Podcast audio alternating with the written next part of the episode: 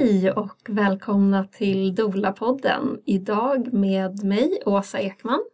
Och mig Malin Schubert. Helt ny konstellation. Det här har inte vi gjort ihop förut Malin. Nej det har vi inte Åsa. Mm, jätteroligt. ja. Så kul att få spela in podd med dig. Verkligen. Mm. Hur mår du? Uh, jag mår uh, som vanligt. Ja, och hur är det? Lite för många bollar i luften. Ja. Så. Mm, lite sådär permanent stresshuvudvärk men Mm. ja, Det känns som ett normalläge nästan Ja. hos dig. ja, jo. Ja. Mm. Mm. ja, och så var det massor med köer på vägen hit. Och, för du Ja. bor ju i Eskilstuna och vi spelar in i Dola-studion idag. Ja, precis. Ja. Och eh, jag trodde att om jag vill vara här nio så hinner jag liksom komma efter köerna. Men Mm. icke. Nej. Nej. Och det är så konstigt med köer, att man kan bli stressad fast det inte händer något egentligen. Ja, det är fruktansvärt. Det är ju den här psykologiska grejen att när man sitter, det är också därför Tyskland inte avskaffar sina, sin frifart på motorvägen. När du sitter i en bil så, så får du någon slags potenskänsla att nu får jag bestämma helt själv Mm. vad jag gör. Mm. Och då vill inte du bli bromsad av någon. Mm. Eller i alla fall vi tyskar känner så. Jag vet inte om du känner så när du sitter i en bil. Nej men det är så, man tar ju nästan vilka avvägar som helst bara för att få rulla lite ja, grann. precis. Så här, jag tar en annan väg. Så Ja. där, rull, där rullar det fast i, i 30. Ja, Jag vet inte om det är bättre men Ja. det, psykologiskt känns det bättre. Ja, Nej, jag, har ju, jag har ju börjat att stanna på vägen. För Mm. Google föreslår ju så nu har vi hittat en snabbare väg genom typ Liljeholmen och Södermalm. Typ. Mm. Men nej, jag, jag stannar på E4. Mm. Det, Trots det, det brukar ofta, ja men, ja men det brukar ju ofta ändå vara bättre. För Mm. om jag får meddelande på Google så får ju de andra också det och sen blir det kaos. Så, ja. Precis. Nej, men jag har ju börjat att inte vika av. Mm. Men eh, ja, men jag är ändå arg. Ja, vi får landa lite här i, podden och tillsammans. Och, mm, det är så fint för att vi ska ju ses hela Dola-gruppen idag. Det ska Mm. bli jättemysigt. Mm. Vi gör ju det, försöker ses en gång i månaden. Ja, Men- precis. Vi lyckas ju inte alltid. Nej, alla har ju fulla liv. Men Mm. det, jag tycker att vi ses ändå ofta. Det känns Mm. bra. Mm, jag tycker också det. Och idag så ska ju vi prata om, eh, ja, framförallt du. Eh, för det är så, jag, jag älskar ju Dola-gruppen och att vi kommer med så olika saker till, eh, och bidrag till, till gruppen. Och där framförallt du och Dolores är så insatta i forskning och eh, kommer med så mycket nytt eh, vad som händer och jag älskar det, det är så härligt för jag är inte lika, jag försöker hänga med men jag är inte lika eh, men det kanske beror på att du studerar och Dolores faktiskt är forskare. Eh, Så att det blir naturligare. Ja, och jag studerar också lite för att eventuellt kunna forska sen. Så det är ju Ja.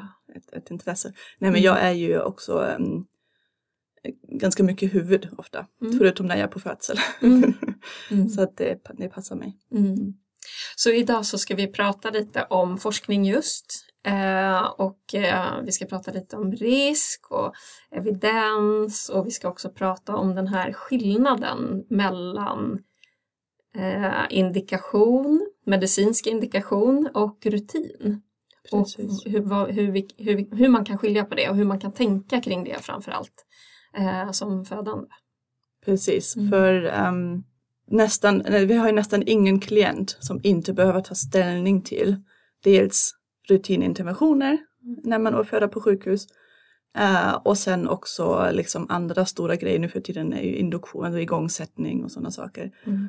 Eh, och det här med risk, även den mest, vad ska man säga, rena duken. Alltså, alla har ju någon slags tänk kring risk och, och rädsla i samband med att man väntar barn.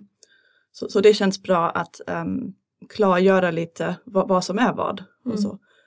Så ska vi börja då med vad, eh, vad är en rutin? Ja, precis. En, en rutin eh, görs för att man statistiskt på gruppnivå har sett att om vi gör det här så får vi lite bättre utfall i det här. Eller eh, på, på statistiskt på sätt på alla kvinnor så gör det här lite ökad risk gentemot det här.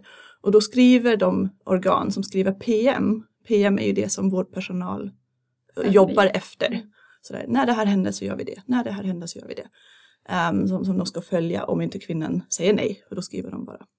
Alltså, de som skriver PM tar ju in den här gruppnivåsynen och säger men det vore bra om det här görs på alla. För att vi vet att det blir lite bättre hit och dit på gruppnivå. Vi gör en intervention för att undvika ett utfall. Ett eventuellt Ett utfall. eventuellt utfall. Mm. Ehm, och, men det betyder ju att man enbart har tittat på alla kvinnor och på statistik. Och också vilka riskökningar som bedöms vara så pass stora att man vill införa en rutin på alla är ju också väldigt olika, dels mellan länder, mellan regioner, mellan olika tidpunkter och så vidare. Så att bara för att något är en rutin så betyder det inte att det är bra för alla. Det betyder bara att det statistiskt sett på gruppnivå finns en liten fördel att göra det på alla. Um, till exempel, vissa sjukhus sätter ju infart på alla födande som kommer in. Utifall att, men för att vissa födande blöder eller behöver någon, någon jättesnabb åtgärd. Och då sätter man infart på alla för säkerhets skull. Um, eller det här med att det, man får en spruta med oxytocin med livmodersammandragande medel efter födseln. För att vissa livmödrar inte drar ihop sig lika snabbt. Då får, det, får alla den sprutan. Man har bedömt att nackdelarna är försvarbara så att alla ska få något även om alla absolut inte kommer behöva det. Um, det här med att vissa saker ska göras var fjärde timme, att det, att det ska vara just, just var fjärde timme är ju någon har bestämt att det är en, en lagom tid, vaginalundersökning var fjärde, kissa var fjärde.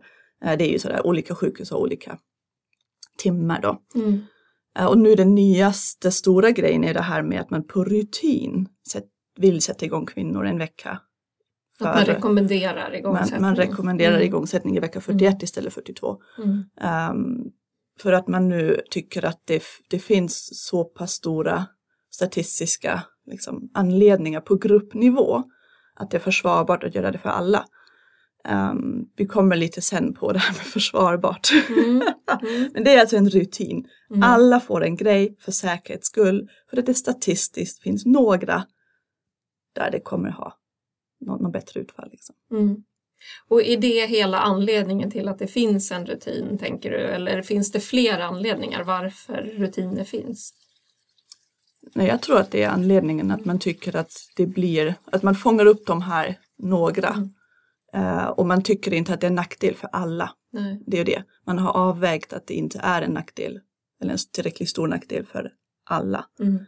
Jag tänker också utifrån eh, Eftersom inte ens alla regioner är lika. Ja. Eh, Vi är ju ändå i ett och samma land och då kan man tänka att det borde finnas nationella riktlinjer men att eh, inte ens alla regioner gör lika och då tänker jag att undrar om det också finns ett visst mått av effektivitet. Nu, så här ska den här enheten fungera på bästa sätt så därför har vi vissa rutiner. För Absolut. vi märker ju det här i Stockholm, vi som dolar i Stockholm och är på flera olika kliniker till och med, så har ju inte ens alla kliniker i Stockholm samma rutiner. Nej, precis. För det görs ju de här organ som skriver PM är ju ofta på en klinik.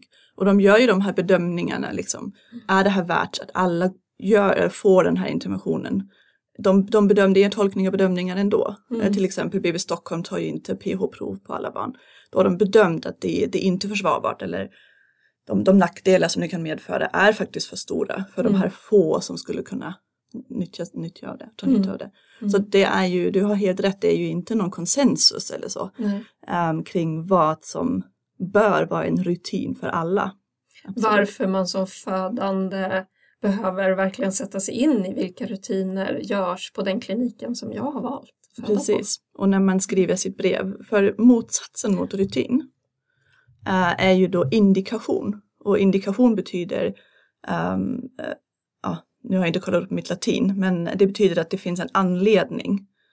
Ehm, så indikation är om du som individ just nu, du och din kropp, faktiskt har en, en ökad riskfaktor, en komplikation, en, en situation där en intervention kan vara av nytta. Mm. Ehm, då, då, då rekommenderar man en intervention till just dig just nu. Då kallas det indikation. Ehm, till exempel att man skulle sätta en infart om man bedömer att nu, nu tror vi att just din födsel kanske går åt ett håll där vi vill ha en infart. Eh, Eller då förstås när, när du har börjat blöda. Mm. Alltså i liksom trafikolyckor då, sätter, då har man ju inte en infart sen innan utan då sätter man ju den sen, sen när man kommer fram. Mm. Så. Det är lite som att eh, har man huvudvärk så får man smärtstillande. Ja precis, man tar inte det på morgonen. Nej, ifall att jag får huvud, Ja. huvudvärk lite senare. precis, Mm, exakt. mm. För då vet man att le- nackdelen för levern är ju för stora. Precis. Precis. Då gör man en bedömning, precis. Mm. Eh, Eller det här med, liksom, jag nämnde ju livmodersammandragande, att man kollar först om moderkakan kommer och livmodern drar ihop sig. Och om det inte sker, då finns en indikation. Just din livmoder idag är faktiskt slapp fortfarande. Mm. Eller din moderkaka har inte kommit trots att det gått en och en halv timme. Eller något sånt. Ehm, indikation. Ehm, eller igångsättning. Alltså vi, vi, vi säger inte att man inte ska sättas igång. Vi, när det finns en komplikation, en sjukdom, en indikation, då kan man sättas igång. Mm. Ehm, och därför är det ju bra tips, eller vi brukar tipsa våra gravida att skriva i förlossningsbrev. Och då kan vi använda det ordet till exempel bara på eh, barnindikation till exempel. Om, ja, många kvinnor vill ju inte bli klippta under livet till exempel, alltså få en episiotomi. Ehm, och vissa kliniker har ju det på rutin vid sugklocka. Att man, eller nästan rutin, det är så höga Mm. siffror att, man, att, det har, att det är en rutin även om det kanske inte står i något papper. Ehm, men då kan vi skriva bara på barnindikationen, alltså om barnet visar att just det här barnet just nu behöver komma ut superfort. Då kanske det är okej med ett klipp, äh, om, om ni frågar mig, jag säger ja. Men absolut inte på, på rutin eller något sånt, eller på, på mamma-indikation. Alltså mitt underliv får hellre spricka än att jag blir klippt. Så. Mm. Då kan man, då kan man liksom skriva det här, liksom, jag tackar nej till den här rutinen, bara på indikation så Mm. får ni fråga mig. Mm. Ehm, och, och det som är den stora skillnaden är ju att alla kvinnor värderar ju olika. Alltså bara för att det finns en statistisk ökad risk på gruppnivå betyder inte att jag som kvinna faktiskt är orolig över den risken. Mm. Eller att jag tycker att nackdelarna är mindre. Alltså att risken överväger nackdelarna. Alla kvinnor har ju olika rädslor, olika värderingar, olika önskemål, olika personligheter och också kroppar.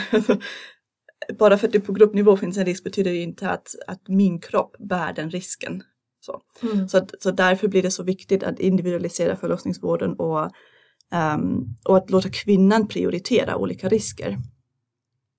Och hur, hur gör man det då? Hur, hur värderas olika risker? Och det är ju en väldigt individuell fråga. Mm. För att livet är riskfyllt. Det finns alltid risk i alla saker. Ehm, att jag satte mig i bilen i morse är ju en, jag tar en risk då. Men jag tycker att liksom fördelarna överväger, så jag, jag vill gå ta den risken. Um, Likaså i, i varje beslutet vilken mat vi köper, ehm, hur vi rör oss på dagen. eh, alla Eller saker. inte väljer att motionera. Ja, precis. Um, varenda grej vi gör varje dag Mm. innebär en riskavvägning. Jag gör det här, vilka, vad- vad är jag mer rädd för? Liksom? Nackdelen av att göra det här eller risken för det här eller hur gör jag? Mm. Ehm, och, och det vi idag, särskilt i förlossningsvården, har hamnat i, men också i samhället i stort, är att vi, vi vill förhindra de här väldigt, väldigt sällsynta men väldigt katastrofala fallen. Vi vill undvika död till exempel. Även Mm. om det är en otroligt liten risk att dö i olika situationer så går vi till väldigt, väldigt långa, alltså vi gör väldigt mycket för att undvika den lilla risken för att den är så pass stor eh, som samhälle. Till exempel, vi har ju nu infört att vi sätter igång kvinnor för att undvika kanske några barn som dör i magen varje år. Och då tycker vi att det är försvarbart som samhälle att alla de här, de här mer sannolika men mindre riskerna med en induktion är värda den här lilla, lilla risken men den här hemska Mm. utfallet, Mm. död. Och, och det är ju, det har vi som samhälle är på den punkten. Men varje kvinna kanske känner på ett annat sätt. Vi har em, till exempel CTG-övervakning i förlossningsvården eh, som inte finns någon, någon evidens för. Vi vill se eventuella avvikelser. Men vi är liksom okej med att CTG ökar kejsarsnitt och sugklocka.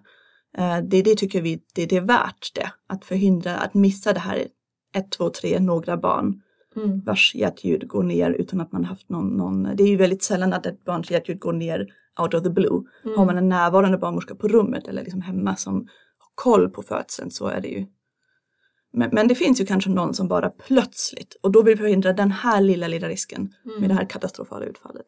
Mm. Ehm, och det kan ju också vara små saker som att, att vårdpersonal faktiskt inte tycker att det är farligt att sätta in fart. De ser liksom ingen överhuvudtaget nackdel med det. De ser liksom enbart en positiv. Medan för varje kvinna kanske det är en nackdel. Mm. Jag kanske tycker att det gör ont, det tar mig i min bubbla, jag kan inte röra min hand, jag blir påmind hela tiden att jag inte kan röra mig. Många är spruträdda. Precis, och- man kan vara spruträdd. Mm. Man, man kan komma in i någon slags patient-mindset. Alltså det kan ju Mm. finnas, varje kvinna kan ju ha massa anledningar. Mm. Men vårdpersonalen har inte det. Så, så risk är ju, är ju liksom alltid med oss.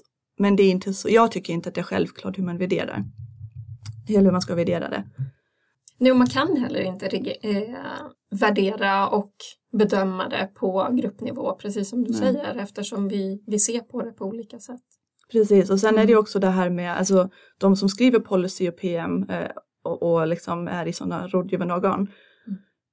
De, de har en viss uppsättning risker de tittar på. Mm. Men de tittar ju kanske inte på andra risker. Mm. Alltså ofta görs ju studier på ganska kortsiktiga följder.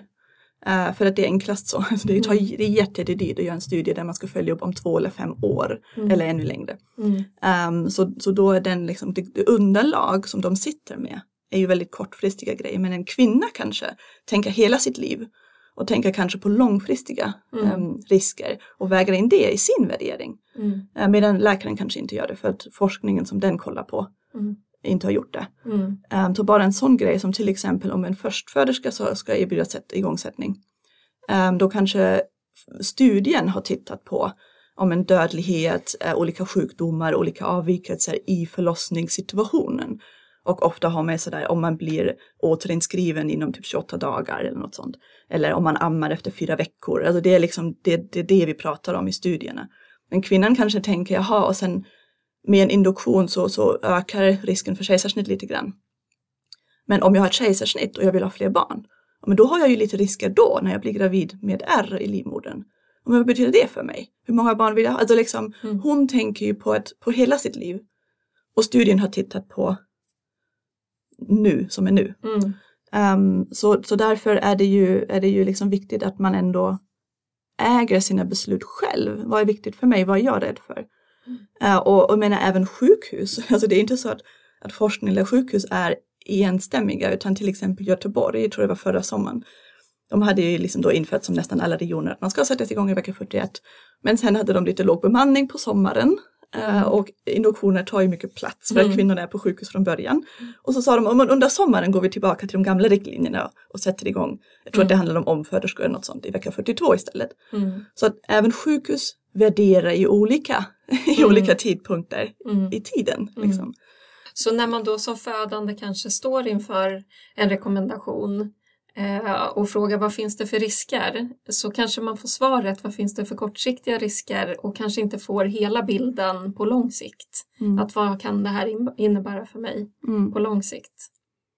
Och, och det, men man måste ju också tänka lite etik där. Alltså att, att nu för tiden måste ju alla, alla studier etikprövas. Um, men det här med att, att sätta igång liksom, eh, så många kvinnor tidigare. Um, hur den etikprövningen har sett ut är ju också en fråga. Uh, och, och, och varje kvinna måste ju ändå, alltså det här med att man, man införde till exempel omedelbar avnavling Mm. förr i tiden. Mm. Utan att ha etikprövats, utan att ha gjort forskning, utan att ha tagit reda på om det är safe och bra eller inte. Man bara införde det. Och nu måste man på något sätt bevisa att det går bra att låta navelsträngen vara i takt när man Mm. återupplivar det eller när man ger barn andningsstöd. Mm. Så att det är också de riktlinjer som finns eller de, de praktiker som finns just nu är ju inte alltid etikprövade eller att någon har tänkt på vad, vad, det, vad det blir för konsekvenser. Mm.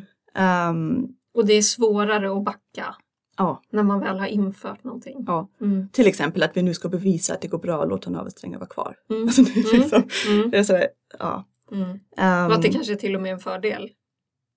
Exakt, Mm. exakt. Det, Mm. det lär man ju. Det här, vi pratar om den här SAFE-studien som vi tycker att om man får frågan man ska tacka ja till. Mm. Eh, för då blir det, om ett barn föds medtaget blir det inte klipp och spring till ett annat rum utan Mm. Då, då, då ger man barnet andningsstöd med Mm. intakt navelsträng mellan mammans ben. Mm. Och Åsa och jag, vi tycker ju att vi vet vad ens forskning kommer komma fram till. Ja men och det tror jag också att många barnmorskor och vårdpersonal ser ju fördelarna. Eh, och fler och fler kliniker ansluter sig till studien som heter SAVE om man är Mm. intresserad av att eh, kika på den. Ehm, och så det här är också just den SAFE-studien, då blir ju barn lottade, eller kvinnor då. Mm. Om ditt barn är medtaget så klipper och springer vi eller så tar vi det här. För att man, det blir ju bäst, ehm, bäst forskningsresultat liksom om man har lottat. Ehm, men då måste man alltså tänka sig att vissa barn nu lottas till att klippa navelsträngen. Mm. Bara för att det är det vi har gjort i så många år utan att det fanns någon evidens för det. Alltså det är liksom, och där måste ju varje kvinna få kunna fatta egna beslut och göra egna värderingar. För att det är ju så, vissa saker är så obviously liksom. Ehm, och på tal om det här med evidens är det också väldigt olika vilken forskning som får genomslag ehm, i PM och i beslutsfattande organ. Ehm, till exempel det här jag pratat om att rutinen att klippa navelsträngen omedelbart infördes ju bara sådär. CTG infördes bara för att man hoppades, men det är väl bra. Det är väl bra om man ser hjärtat. Ehm, um, det har man igångsättningarna. Uh, och så har man ju till exempel CTG är ju numera motbevisat. Alltså det ger inget bättre utfall. Vi vinner inget på det. Men vi får en del nackdelar för att um, men det ökar risken för kejsarsnitt till exempel. Um, och ändå så plockas inte det bort för att då skulle man behöva ha en barnmorska på rummet och det är för dyrt och det är mycket bättre om en person på expeditionen kan kolla på alla skärmar med alla CTG på. Alltså det finns så många anledningar till att den forskningen som till exempel visar att CTG inte är evidensbaserad inte får genomslag. Mm. I att det- Sverige? I Sverige, precis. Väldigt stora skillnader mellan olika länder, Mm. absolut. Ehm, eller det här med liksom sätesfödslar. Det brukade ju vara en, en vanlig grej. Sen kom det en, ehm, ett dåligt utformat studie som visade att det var säkrare att snitta. Sen började plötsligt alla snitta. Alla förlorade kunskapen om hur man gör när en, en, säte, en bebis som ligger i säte föds vaginalt. Eh, sen kom studier som visade att den här första studien var jättedåligt gjort. Det stämmer inte. Eh, då måste man på något sätt bevisa att det visst var okej att göra som man har gjort hela tiden. Mm. Och nu långsamt, långsamt, långsamt, jättelångt senare börjar klinikerna återta kunskapen Ja. om ja, hur gör man egentligen, vad är det som gäller. Ehm, så det är ju det, vissa, det kan liksom vara en dålig studie som får en hel rutin, eh, en hel, ett helt land att ändra hur man gör. Men, men däremot finns ju ganska mycket forskning kring hemfödslar eller att det är lika säkert eller att ehm, det, det bästa sättet att organisera mödravård är ju den här uh, min barnmorska sättet. Mm. Att man har kontinuerlig samma Caseload. caseload. Mm. Det finns väldigt, väldigt bra evidens för det är väldigt, väldigt bra forskning gjord och visar att det är det bästa. Men Mm. det får ingen genomslag. Mm. För att det kanske är dyrare, det kanske det finns andra anledningar. Så det Mm. är ju inte så att de som skriver rutiner eller PM eller går efter forskning. Mm. Utan de väljer ju också sin forskning. Mm.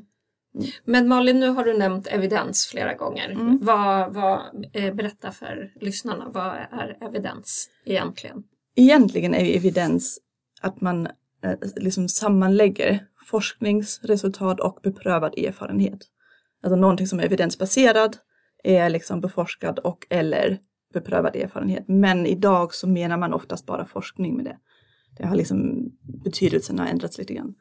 Att man tappar bort den här beprövade erfarenheten, den som kanske sitter och finns på förlossningsklinikerna hos barnmorskorna och att man tappar den.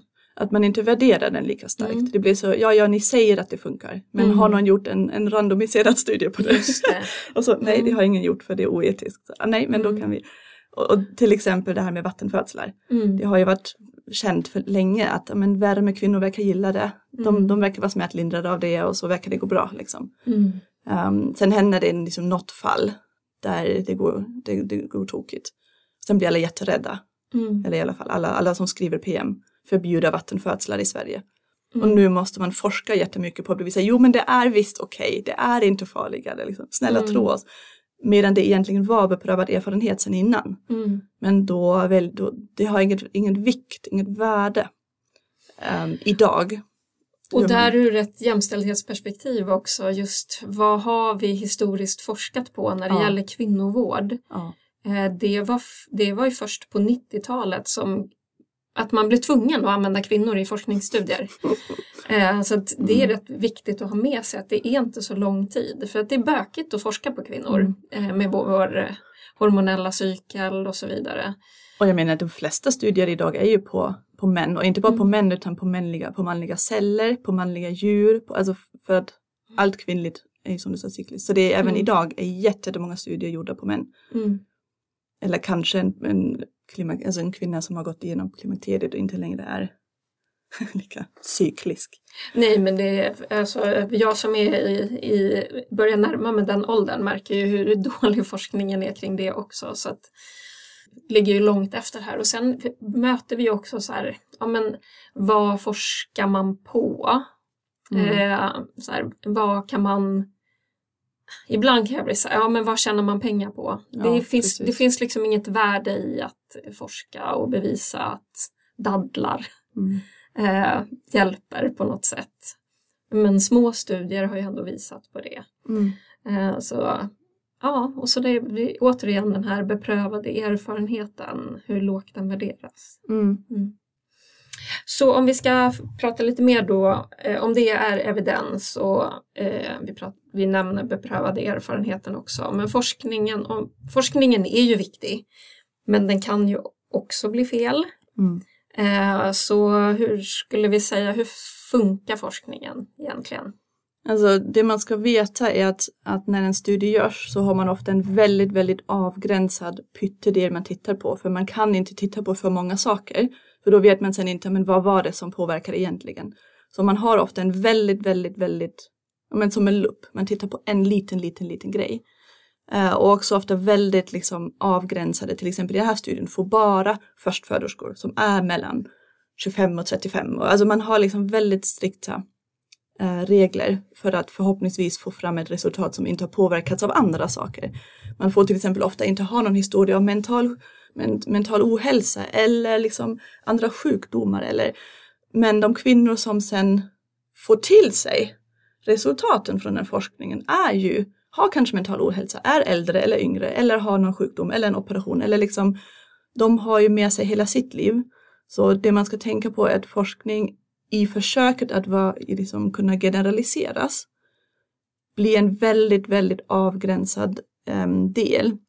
Så en kvinna som, som um, måste ju alltid Egentligen måste man alltid läsa själva forskningen, liksom vilka personer ingick, hur många var det, vilket protokoll hade de, vad de kollat på och sen är det jag eller är det inte jag i alla fall? Just Men det. då är resultatet kanske inte så applicerbart på just Precis, mig. Ja. Mm. Um, och, och till exempel, vi pratar om den här med induktionerna igen. Um, ehm, SVP-studien gjordes ju på friska uh, kvinnor där barnet var liksom huvud ner och bara ett barn och så vidare. De skulle inte få ha någon operation i livmodern sen innan, inte ha diabetes, inte ha ja, jättemycket saker. Och nu finns ju riktlinjer att man gärna vill rekommendera igångsättning för i princip alla på rutin. Men då har du ju kvinnor nu som har eh, en, ett tidigare kejsarsnitt eller som har graviddiabetes eller som har alla de här grejerna som inte ingick i studien. Så då måste man ju kolla, okej okay, gäller det här för dig då? Eller är det bättre, alltså vad är för och nackdelar för just dig? Mm. Um, och sen också studier tittar ju på utfall, alltså man bestämmer på förhand, vi tittar på de här människorna och på de utfallen. Och då ingår ju ofta det som går att mäta. Mm. Det. Uh, för det är jättekrångligt att försöka ta något som inte går att mäta, då, mm. då låter man bli. Mm. Uh, också vissa saker. Eh, men kanske sådär, um, men i svepis till exempel, då kollar de ju efter eh, barnets apgar och um, om man ammade vid fyra veckor och man, ja, allt sånt. Men det man kanske inte har tittat, eller det som kanske är intressant för en kvinna men inte ingår i forskning typ någonsin, är ju um, långtidsmående, um, förlossningsdepression, um, uh, amning efter sex månader, um, känslor. Hur alltså, man upplevde det. Ja, mm. precis. Mm. Så att så forskning tittar på en liten, liten, liten del. Sen dras ju slutsatser från de, det man har fått eh, eh, ut och där har media ett väldigt stort ansvar för det är ju ofta så att det är en artikel och forskarna själva är ju utbildade och de skriver sådär eventuellt kan den här forskningen tyda på att det skulle kunna hit och mm. dit och så kommer det en medieartikel sådär farligt att göra det här eller liksom du Mm. dör om du inte gör det här och, och förstorar upp det och drar slutsatser som inte går att dra. Eh, eller att en, en forskare ändå skriver liksom för kvinnor som är mellan bla bla så är det en fördel att göra det och det. Men så Mm. blir det sådär, det, det glöms bort i media så där har ju media ett ansvar men, men också då förstås men barnmorskor som pratar om det, läkare och alla som pratar med kvinnor. Ehm, det finns ett exempel på ehm, i Australien infördes ju ganska sent 2018 en sådär paket för att skydda från stora bristningar. Och det paketet är ganska mycket som Sverige gör idag så därför går det att jämföra ganska bra. Eh, och då kom de ut med liksom, du ska som barnmorskan ska göra det och det och det och hålla ett perinealskydd och ha uppsikt och bla bla bla bla bla bla. bla. Um, och sen mätte de compliance, alltså sjukhusen skulle sen inrapportera hur man, om man följer paketet, alltså hur många och hur många stora bristningar man har fått. Eller får från och med nu. Um, och och det, är- alltså det är ju ganska smart att, att få in en siffra på hur många som ens gör det. För annars kanske ett sjukhus inte inför det egentligen och sen jämför man deras siffror. Så jag förstår ju, forsk- jag förstår ju liksom tanken. Men om du säger till någon så här, det här tycker vi att du ska göra och vi kommer mäta om du gör det eller inte. Då är sannolikheten väldigt, väldigt stor att, att barnmorskan kommer göra det. Och kanske tjata så länge tills kvinnan säger ja. Alltså få ett samtycke. Mm. Liksom. Mm. Um, men det som de till exempel inte tog in är siffror om klipp episotomier. För det finns ju annan forskning som visar att om barnmorskan hela tiden tittar och har uppsikt över perineum, Mm. då ökar risken för att hon vill klippa. Mm. För att hon blir orolig och tänker det här kommer inte gå, det blir vitt eller det ser stramt ut eller något sånt. Mm. Och om då den här gruppen som säger att, alltså någon sådär myndighet, nu ska alla göra det här paketet och vi vill veta om ni gör det och hur mycket bristningar ni får. Men vi tar inte in siffror för hur många skador, för då ingår ju klipp. klipp en klipp är ju alltid en grad 2 och ibland en svårare och ibland så. Då vet man ju sen ändå inte vilken Mm. slutsats man ska dra av det. Mm. Och så kan det bli väldigt fel när Mm. slutsatsen dras, det här, det här paketet är jättebra. Mm. Så, ja, fast vi har inte tittat på episotomier till exempel. Mm. Eller kvinnor kanske har tjatats till sitt samtycke för att vi mäter i compliance. Mm. Så det är väldigt komplext det där. Mm. Jag har varit med när ehm, några sådär core outcome set ehm, togs fram här i Sverige. Så att alla studier som görs ska ha de här, out- alltså mäta de här utfallen också så att man sen också kan jämföra mellan olika studier. Även om jag kanske vill mäta det här så tar jag också in de här grejerna så har vi den datan. Så. Mm. Eh, och då, då var de till exempel, ehm, alltså det är så komplext för då ville man inte mäta hud mot hud efter födseln. Eller liksom hur länge eller hur ofta. Eller obruten hud mot hud. För det var så här, men om vi mäter till exempel obruten hud, hud, mot hudkontakt. Då kommer klinikerna sen, när de har behövt separera en kortis, inte tycka det är värt att lämna tillbaka bebisen. För Ja. att då är det ändå, då har de ändå fått minus på den punkten så att säga. Eller då har de ändå inte fått klicka i den, den rutan. Mm. Det blir så bättre att inte mäta det. det blir så, ja, men, och, och allt sånt påverkar vilken Mm. slutsats forskning drar. Mm. Så, så forskning, ja, jag kan, jag kan ju bli jag, jag vill ju verkligen att alla går och läser artiklarna, exakt vad som har gjorts och kollats på innan man liksom tar till sig vad den säger. Mm. Ehm, det kan ju också ibland vara att vissa protokoll, alltså i någon studie i Amerika om igångsättning i vecka 39, som heter Arrive, då har de haft ett väldigt strikt protokoll när man får gå över till akutsnitt. Mm. Eh, och studien går ju ut med sådär, ja men kejsars, äh, igångsättningar tidigt uh, minskar risk för kejsarsnitt. Men att själva protokollet redan har minskat snitten ganska avsevärt. Alltså om man säger att Kalifornien egentligen hade en 32-procentig risk för akutsnitt efter igångsättning. Och i studien var det 22. Och de som har varit igångsatta 19. Mm. Så det är så, ja, men 19 procent mot 22 procent, så igångsättning är rädda för, från, kejsarsnitt. Mm. Men jaha, men kanske protokollet ni hade räddade redan jättemånga. Mm. Eh, men det var inte slutsatsen. Du fattar. Mm. Mm. Så vilka, vilka andra saker än vem man forskar på spelar roll för resultaten? Ehm, det är ju alltid intressant vad som kontrolleras mot. Mm. Alltså jag kollar på den här grejen och jag vill se om den gör skillnad jämfört med vad. Eh, till exempel att vi har så här, tre minuters avnavling är ju för att någon har tagit tre minuter, inte för att någon har suttit och jämfört en och två och tre och fyra och fem och sex och sju minuter. Så, eh, så då har man kontrollerat mot noll minuter och tre bara typ. Ja. Um, och generellt, eller det som jag stör mig på egentligen mest är ju att man förstås alltid forskar i sjukhusmiljö. Alltså om vi idag um, gör en studie på är det här bättre eller det här eller hit och dit, då forskar vi på kvinnor som föder på sjukhus.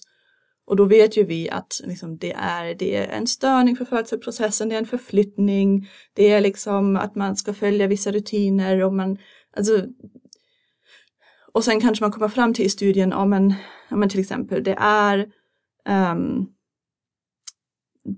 det är bättre att klippa i den här situationen än inte klippa. Men då har man liksom inte tittat, ja men om en kvinna får föda utan så mycket störningar, uppstår det en situation där vi måste klippa eller inte klippa i underlivet? Alltså, men, men jag tycker egentligen att samtliga studier på födslar borde ha en kontrollgrupp som är ostörda hemfödslar. Och det är jättesvårt att få till förstås, särskilt i Sverige. Men mm. man måste ju tänka också på att men den här forskningen utgår ifrån sjukhusfödslar.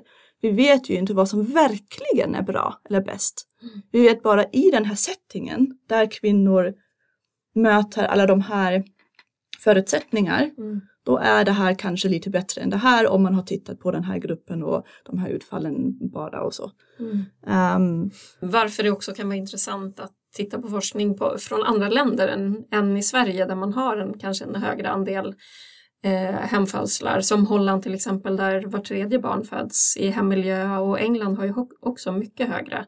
Mm. Eh, så då kan det ju vara intressant om man vill titta på något specifikt att också titta på forskning från andra länder. Mm. Mm. Som kanske har en annan undersökningspopulation tänker jag. Ja, jo.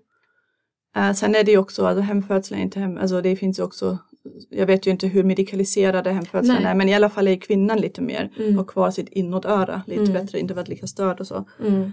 Um, så nu det forskas ju väldigt mycket också på just det, jag nämnde ju det här australiensiska um, att man inte ska spricka i underlivet. Uh, och då gör man så, ah, men ska vi göra mer, ska vi göra det här, ska vi göra det här, göra, göra, göra, göra. Mm. Uh, för att man, om man, man jämför med kvinnor som redan har liksom varit på sjukhus länge, har antagligen tappat bort sitt inåtöra lite grann, har kanske blivit liksom, ja, ja, men lämnat sin bubbla eller, eller varit störd i alla fall i sin bubbla. Och då säger man sen, ja men det är bättre att hålla en hand, alltså ha hands on mm. för att minska sprickningar. Mm. Medan, ja men kanske det skulle egentligen vara bäst att lämna kvinnan mer i fred. Alltså liksom, mm. och, och, då finns en forskning, vi måste hålla oss till forskning. Vi måste jobba evidensbaserad. Mm. Det är evidens att vi ska ha hands-on. Mm. Det är evidens att man ska ligga på sidan. Mm. Ja men har du testat att inte säga till någon kvinna alls när hon föder vad hon ska göra? Liksom, är det kanske bäst? Även om hon sen hamnar upprätt eller liksom. Och, och, så det får man inte glömma när man läser forskning och får, får till sig att vi jobbar evidensbaserat och vi måste hålla oss till evidens. Mm jag brukar ibland också säga det är ju som om man skulle testa en sko och säga så här, vi ska veta om det är bättre att springa barfota eller sko. Och så har man en, en sand, eh, man är i öken. Mm. Och, så, och så kommer man fram till, nej men det var lite bättre att springa med skon. Och så, ja men alla ska springa med sko på från och med nu. Mm. Men då har man kanske inte testat på att springa på gräs. Mm. Och det kanske, om man skulle göra det och testa med att hoppa på gräs är ju faktiskt barfota bättre. Mm. Men nu har vi sagt till alla måste ha skor på sig för att i öknen där vi testade, mm. där var det bättre med skor. Mm. Så, så, det är så man måste tänka på mm. om när man applicerar forskning på sig själv. Mm. Kommer jag springa på gräs eller kommer jag springa i öken? Så är all forskning bra eller finns det en hierarkisk ordning här? Um, det finns ju absolut en officiell hierarki. Um, en metaanalys, en systematisk sammanställning, har högst värde där man har tittat på liksom utfall från många studier och det handlar ju om att man får större populationer, alltså större, de man har tittat på ska vara fler. För det är klart, tittar jag på 50 kvinnor då är det ju ganska sannolikt att slumpen har spelat roll. Mm. Men slår jag ihop 20 studier på 50 kvinnor som har mätt ungefär samma sak, men då får jag ju mycket bättre koll på om det är slump eller inte. Mm. Så att de har ju högst äh, värde. Uh, och sen de här randomiserade studierna där man lottar. Man tar ungefär samma grupp som ska vara ganska två grupper som är lika och sen lottar man. Du får det här, du får det här och sen kollar vi hur det gick. Um, och sen är det med kohortstudier. Det, det är ganska, Sverige är ganska stort på för att vi har så himla mycket data. vi mm. sparar data på alla. Att man tittar på men alla födslar som registrerades uh, i liksom svenska journaler mellan 2000 och 2020. Och då tittar vi liksom Finns det korrelationer mellan olika saker? Är det kanske så att alla som har fått snitt också har barn med? Ja, vad vet jag. Så tittar man på det. Um, och, och ännu mindre, det, hierarkisk, eller ännu mindre värde så att säga, har ju fallstudier. Man säger det här fallet var så här. Mm. Eh, och ännu minst så är det en expertåsikt. Att en läkare tycker att det här är bäst. Mm. Men um, metastudier, alltså om de görs på massa små studier som har låg kvalitet och jättefå människor, visst blir det ett bättre resultat. Men man måste ju ändå titta på vilka som har ingått och därför är det ju så metastudier, då måste man ju gå väldigt noga igenom när man skriver en sån, vilka studier man inkluderat. Eh, och, och, om de är låg eller medel eller så. Um, och sen den här filosofiska frågan, ska randomisering vara högsta evidens? Till exempel, det, det, dels måste du ju ha något som går att mäta, återigen med siffror helst. Um, det går etiska dilemman. Alltså du kan ju inte ran, göra en randomiserad studie om hemfödslar. För du kan ju inte lotta en kvinna på att föda hemma eller på sjukhus. Eller du kan inte randomisera amning. Så vissa saker som är jätteviktiga kan du ju aldrig få en randomiserad studie på. Och därför kommer det aldrig vara bra evidens. Mm. därför kommer det aldrig liksom väga mm. tungt när man fattar beslut i beslutsfattande organ. Så det, det är väldigt, um, det, det, finns en hierarki men frågan är om den är jättebra. Och sen ska man ju också tänka på det här med korrelation och kausalitet. Alltså en, en, eh, en, en kohortstudie tittar ju på om något korrelerar, alltså om vissa saker går upp. Men man vet ju inte att de verkligen har orsakat det. Då måste man göra en interventionsstudie, att man säger att jag har två grupper och den ena får den här interventionen, den andra får inte det och sen mm. kollar vi. Mm, ja, men så vilka slutsatser dras och hur har de stöd då i det som det forskas om? Uh, så, så det är alltid det, man gör en, forsk- en studie, sen får man ett resultat och sen hit, tittar man vad kan vara slutsatsen. Um, nu har ju den här SVP-studien som handlar om igångsättningar har slutsats att det kan vara fördel att sätta igång alla i vecka 41. Man hade ju lika gärna kunnat tänka, ja men de här i den här regionen som hade en kontroll i vecka 41, då dog ju inga barn jaha, ska slutsatsen kanske vara Kontroll i vecka 41? Exakt, mm. det, det, finns sannolika skäl eller det bör forskas mer på om en, en kontroll i vecka 41 kan förhindra. Mm. Liksom. Alltså, um, eller um, den här amerikanska studien om igångsättningar uh, som kom fram till att igångsättning i vecka 39 reducerar kejsarsnittsrisk. Um, men då var det också 73 procent som inte ville delta. Mm. Och de tillfrågade, men ska slutsatsen vara kvinnor vill tydligen inte bli igångsatta? Vad kan det bero på? Mm. Samma med Svepis. I Svepis var det 78 procent av alla tillfrågade som inte ville delta. Mm. I, I, Sverige här, jag var en av dem, jag tackade mm. nej. Mm. Så det uppenbarligen vill svenska kvinnor inte bli igångsatta. Mm. Så det är inte bara slutsatsen man ska titta på utan vad ska man mer titta, titta efter? Och där är vi inne på det här med att titta på metoden. Uh, alltså dels, jag pratat om population, vilka har de mätt på, vilka utfall har de tittat på, men också hur har de tittat. Till exempel är det väldigt stor skillnad om vi tänker på det här med upplevelser. Vi var inne på att det är svårt att mäta mm. sådana saker som inte är siffror. Mm. Uh, och då gör man ju ibland om det till siffror, till exempel hur var din upplevelse av att föda? Och då är det ju väldigt stor skillnad till exempel bara, bara hur många skalsteg man tar. Fråga dig, hur um, upplevde du personalens bemötande? Ett, två eller tre. Liksom. Eller, mm. eller bra, medel, dåligt. Eller om jag frågar ett till tio. För att om man, om man vet lite om statistik och hur man räknar och det är standardavvikelse hit och dit. Mm. Det kan bli väldigt olika resultat med samma fråga bara på grund av hur många steg jag har gett dig att välja på. Mm. Eller det här med Um, skalan helt enkelt. Ja, skalan mm. eller det här med, med gravidregistret, gravidenkäten menar jag, graviditetsenkäten. Mm. Alltså, ja men alla kvinnor är så himla nöjda. Men då hade de fem skalsteg. Mm. Och så sammanfattade de punkt fem och fyra mm. till nöjd. Mm. Den ena var ju mycket nöjd, den andra var delvis nöjd, det var där. Mm. Och, och det vet ju kanske inte kvinnor som svarar på att de kommer att sammanfatta dem och tycker att nej men nu var ju jättemånga nöjda. För om man bara tittar på de som var jätte, jättenöjda, då är det inte alls lika många. Så att det... Här har det ju också blivit tydligt eh, att det också beror på när man frågar kvinnor. Ja, ja, precis. Nu, mm. Exakt, för nu mm. pratar jag om den här graviditetsenkäten som man får hem och svarar i sin dator. Mm. Den, den var ju ändå liksom bättre metodologiskt än den mm. här du menar VAS-skalan när man precis. frågar på BB. Ja. Är du nöjd med din födsel? Ja, man bara är glad att man har överlevt. precis, och då är så där svarar kvinnan att hon är glad att ha en bebis. Ja. Eh, hon, var någon snäll mot henne? Eh, mm. Gillade hon interventionerna? Mm. Är hon glad att få plats? Eh, har hon hormoner just nu? Alltså liksom, då vet man inte mm. vad hon svarar på. Men mm. även den här graviditetsenkäten som är lite bättre. Mm. Att de bara sammanfattar fyra och fem. Ja, alltså bara en sån grej. Så att mm. egentligen måste man ju också titta på metoden, hur Ja. har de gjort? Ja, men Malin, om alla då ska här, välja vilken forskning man ska lita på, blir inte det i sig osäkert? Jo, och, det kallas ju cherry picking då. Och det gör ju alla. Jag gör det, alla gör det. Att man väljer, Mm. hittar man en forskning som överensstämmer med det man tycker och vill, Mm. Då tar man till sig det resultatet. Mm. Och det är ju professionen också, som sagt läkarna, jag sa ju tidigare, de tittar på viss forskning men ignorerar annan forskning. Mm. Så cherry picking är något som vi alla gör. Eh, och sen måste vi också kanske göra, alltså jag känner ju att det ses ju ner på. Det är sådär, men du, du gör cherry picking, så ja men det gör du också. Men ehm, jag, jag tycker att det är ju också en bra idé att man väljer ut det som man känner, men det här säger något om mig. Mm. Då litar jag mer på den forskningen än, "Ja, men det här säger inget om mig. Ehm, jag, jag gör ju en individuell riskbedömning här. Mm. Så jag har inget, alltså ingen är ju objektiv. Och, och alla cherry pickar och så är det. Mm, mm. Men absolut, det är ingen konsensus. Nej. Nej, inte där heller.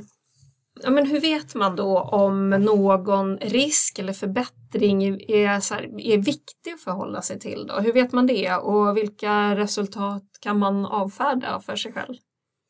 Eh, jo, och, och där kommer vi också till inte bara sådär vad forskas på, vilka forskas på, vilka metoder de använder, utan hur kommunicerar de resultaten. Eh, ofta pratar man ju om risk, vi har pratat om att ah, hela livet är riskfyllt, allt har risk. Och då prat, kan man ju till exempel säga att um, oh, men det är tio gånger vanligare med att livmodern spricker om du föder vaginalt efter ett snitt. Mm. då kan man känna sig ganska rädd. Man kan ju också säga de absoluta siffrorna. Det är skillnad mellan procent och den reella absoluta siffran. Så ehm, till exempel uterusruptur, alltså att livmodern spricker, går från 0,05 till 0,5 total Mm. sannolikhet. Och det är tio gånger vanligare. Det är tio gånger vanligare. Mm, men om man säger de faktiska siffrorna så låter det ju fortfarande väldigt låg Exakt. risk. Så en kvinna kanske känner, ja men den risken är jag beredd att ta. Jag är inte beredd att ta en tio gånger större risk. Mm. Men jag är beredd att ta uppgången från 0,05 till 0,5. Mm. Um, eller det här med att liksom det enda som CTG faktiskt gör nytta av, det enda man har hittat som faktiskt blir bättre, är att det blir mindre nyföddhetskramp. Sen vet man inte om nyföddhetskramp är farliga egentligen, Mm. men så det går att mäta och så man mätte. Uh, och, och då, um, nu, nu ska jag säga lite siffror här, liksom bear with me, men den går alltså från 0,3 till 0,15. Så den halveras, risken för ny, nyföddhetskramp halveras. Mm. Um, sen ökar den också snitt, alltså risk för liksom, kejsarsnitt. Um, 1,2 gånger eller 20 procent. Mm. Men då från 3, alltså det här är gamla siffror, det här är gammal, gammal, gammal forskning. Idag är det mycket högre siffror för snitt. Men, men säg att den här forskningen som hittade att nyföd, nyföddhetskramp minskar från 0,3 till 0,5. Men ökar kejsarsnitt från 3,6 till 4,4. Mm. Vad, vad tycker jag då är mer eller mindre? Även om det Just ena det. är liksom hälften och det andra är 20 procent. Mm. Eller tycker jag rent av att risken fortfarande är väldigt låg? Precis, eller är Mm. båda riskerna väldigt låga? Mm. Och blir Mm. sådär, men Mm. kör liksom. Mm. Absolut.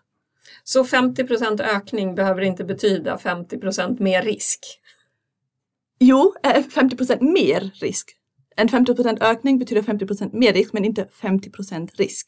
Nej, så, att, ja, så det är inte så att oh, det här är Mm. 50 procent mer risk. Så, ja, men det, det Mm. betyder att hä- hälften av gångerna kommer jag dö typ. Utan det Just betyder det. bara att något har ökat Att- med, 50 procent? med 50 procent. Mm. Ehm, till exempel från 3 procent till 4,5 procent. Mm. Det är en 50 procents ökning. Mm. Men det är alltså inte 50 procents risk, utan Nej. 4,5 procents Mm. risk. Mm. Såklart. Ehm, och, eller sju gånger vanligare. Det beror ju på vad man tittar på. Det är 700 procent. Mm. jättemycket. Mm. Men har vi tittat från typ 1 procent till 7 procent? Eller har vi tittat från 10 procent till 70 procent? Mm. Det är skillnad. Just Så sju gånger vanligare kan ju vara väldigt skillnad Mm. för mig när jag ska liksom fatta mitt beslut om vad jag tycker är en lämplig risk att ta. Mm. Um, och sen är det ju det här med, med bortfall också så, så intressant. Alltså, um, till exempel i Svepis då, bla bla bla och risk och hit och dit och siffror, siffror, siffror. Men, men om 78 procent av kvinnor inte ville delta från början, Mm. vad är då alla andra siffror baserade på och så vidare. Mm. Just det. Um, mm, Mm. Så en födande kvinnas egen riskbedömning behöver ju då utgå ifrån helheten, henne själv, titta på de här siffrorna.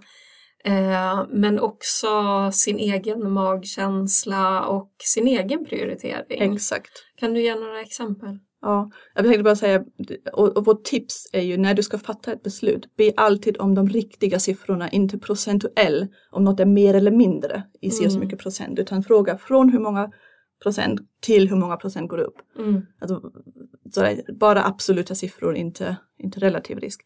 Nej men jag själv har ju till exempel valt att, um, som sagt det där med personliga prioriteringar som du nämnde, Mm. vad är viktigt för mig? Mm. Vilken risk är jag beredd att ta? Eh, jag har valt att inte ha någon fosterdiagnostik, alltså inte göra någon kubbtest med, med något av mina barn. För jag kände risken, alltså risken att något är fel med barnet är ju ganska liten. Och jag tänkte att jag är så rädd för att behöva fatta ett beslut. Det, det är inte beredd att ta. Mm. Liksom, även om det finns en liten risk att mitt barn har en, en, en sjukdom som gör att den kommer dö i magen innan födseln till exempel.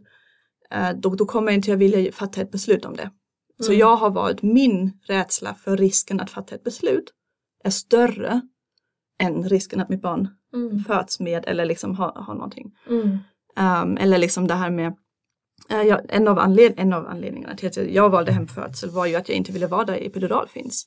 Mm. För jag, var, jag kände mig själv. Jag, har, jag hade innan jag födde barnet känsla, eller jag är stickrädd och kan inte ta bort plåster. Alltså jag har väldigt hög smärttröskel i väldigt många fall. Tänkte så, men hur ska det gå att föda barn? Det kommer ju vara katastrof. Och jag visste att jag inte ville ha epidural av olika anledningar. Ehm, och så var jag, men jag kan inte vara där, det finns en epidural. För Mm. tänk om jag ber om den. Mm. Det var min största risk. Mm. Och jag sa, nej men det, det, den risken är inte jag beredd att ta. Mm. Mm.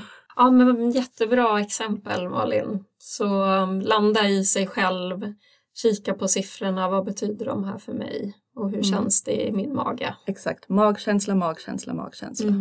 Och också prata ihop sig med sin partner, tänker jag, för där möter vi också sådär variationer eftersom man också är två personer. Det är alltid kvinnans kropp och kvinnans bes- egna beslut när det ha- handlar om sin egen vård. Jag upplever ofta också att kanske partnern kanske mer lutar åt evidensen och forskningen på det, Ja. att man litar på det och att kvinnan mer väger in sin kropp och sin magkänsla och kanske de mer långsiktiga Mm. perspektiven och att det är viktigt här att man på något sätt eh, får stöd i det. Precis, och där är jag helt med dig. För jag gjorde en sån här huvudrörelse Mm. när du sa prata med sin partner just för Mm. att jag tänkte också, nej men de tittar ju mer på siffror, Mm. liksom ofta för att de inte har bebisen i sin mage och magkänsla. Mm. Men absolut prata med din partner och berätta vad som är viktigt för dig. Mm. Berätta hur du, vilken, vilken värdegrund, eller vilka värderingar du gör och vad som är viktigt för dig. Mm. Och se till att hen verkligen också är med på att det är intuition och magkänsla, egna värderingar och egna riskbedömningar som Mm. du gör. Mm. Mm. För att kunna få bra stöd i det, Precis. i, också i födande situationen tänker jag. Eh, din partner vet, Precis. eller din stödperson vet Mm. vilka ställningstaganden du har gjort och kan hjälpa, Mm. hjälpa dig i det. Och den vet ju också vad du är mest rädd för. Som till exempel när min man vet att, att jag är rädd för att fatta beslut om ett Mm. foster. Mm. Ja, men då vet ju han när, när vi skulle vara på ett MVC-besök tillsammans. Så någon, ja men jag ska göra kubbtestet och så då vet han att jag kommer, alltså då kan han stötta mig. Då behöver jag inte jag känna att nu har jag två personer som undrar varför jag inte vill göra det här. Liksom. Nej, precis. Ehm, mm.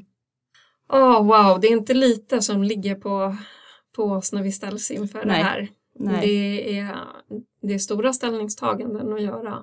Och det är ju det Mm. att vi, alltså många av oss vill ju att vi har en individualiserad födelsevård. Mm. Så att man inte lägger det här på kvinnan bara. Utan att man hjälper henne i alla skeden individualisera. Mm. Och då behöver man ju ganska många saker behöver man inte ens nämna, inte ens göra. För att man vet att det inte är henne det berör. Nej, Den här liksom, risken på gruppnivå. Mm. Så ja, det, det vore ju bra om vi hade mer individualisering, absolut. Tusen tack Malin, wow! Tack Åsa! Mastigt eh, och superintressant och jag hoppas att ni har eh, lyssnat hela vägen. Ja, Mm, Ja, genom alla siffror och statistik och ja, men man får väl backa och lyssna igen tänker jag. mm. eh, tack så mycket. tack.